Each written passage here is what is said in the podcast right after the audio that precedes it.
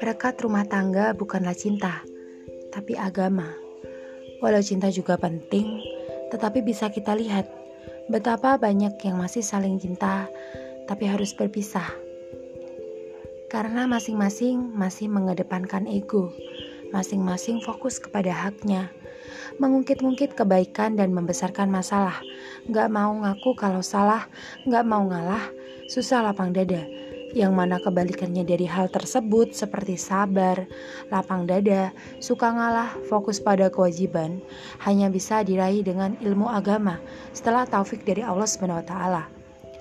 Tolak ukurnya dari menikah adalah tujuannya. Kalau tujuan menikah bukan untuk ibadah, maka mau cinta mati pun suatu saat akan jenuh dan rentan hancur, atau gagal, atau bahkan berantakan. Allah walam, karena yang menjadi tujuannya bukan Allah.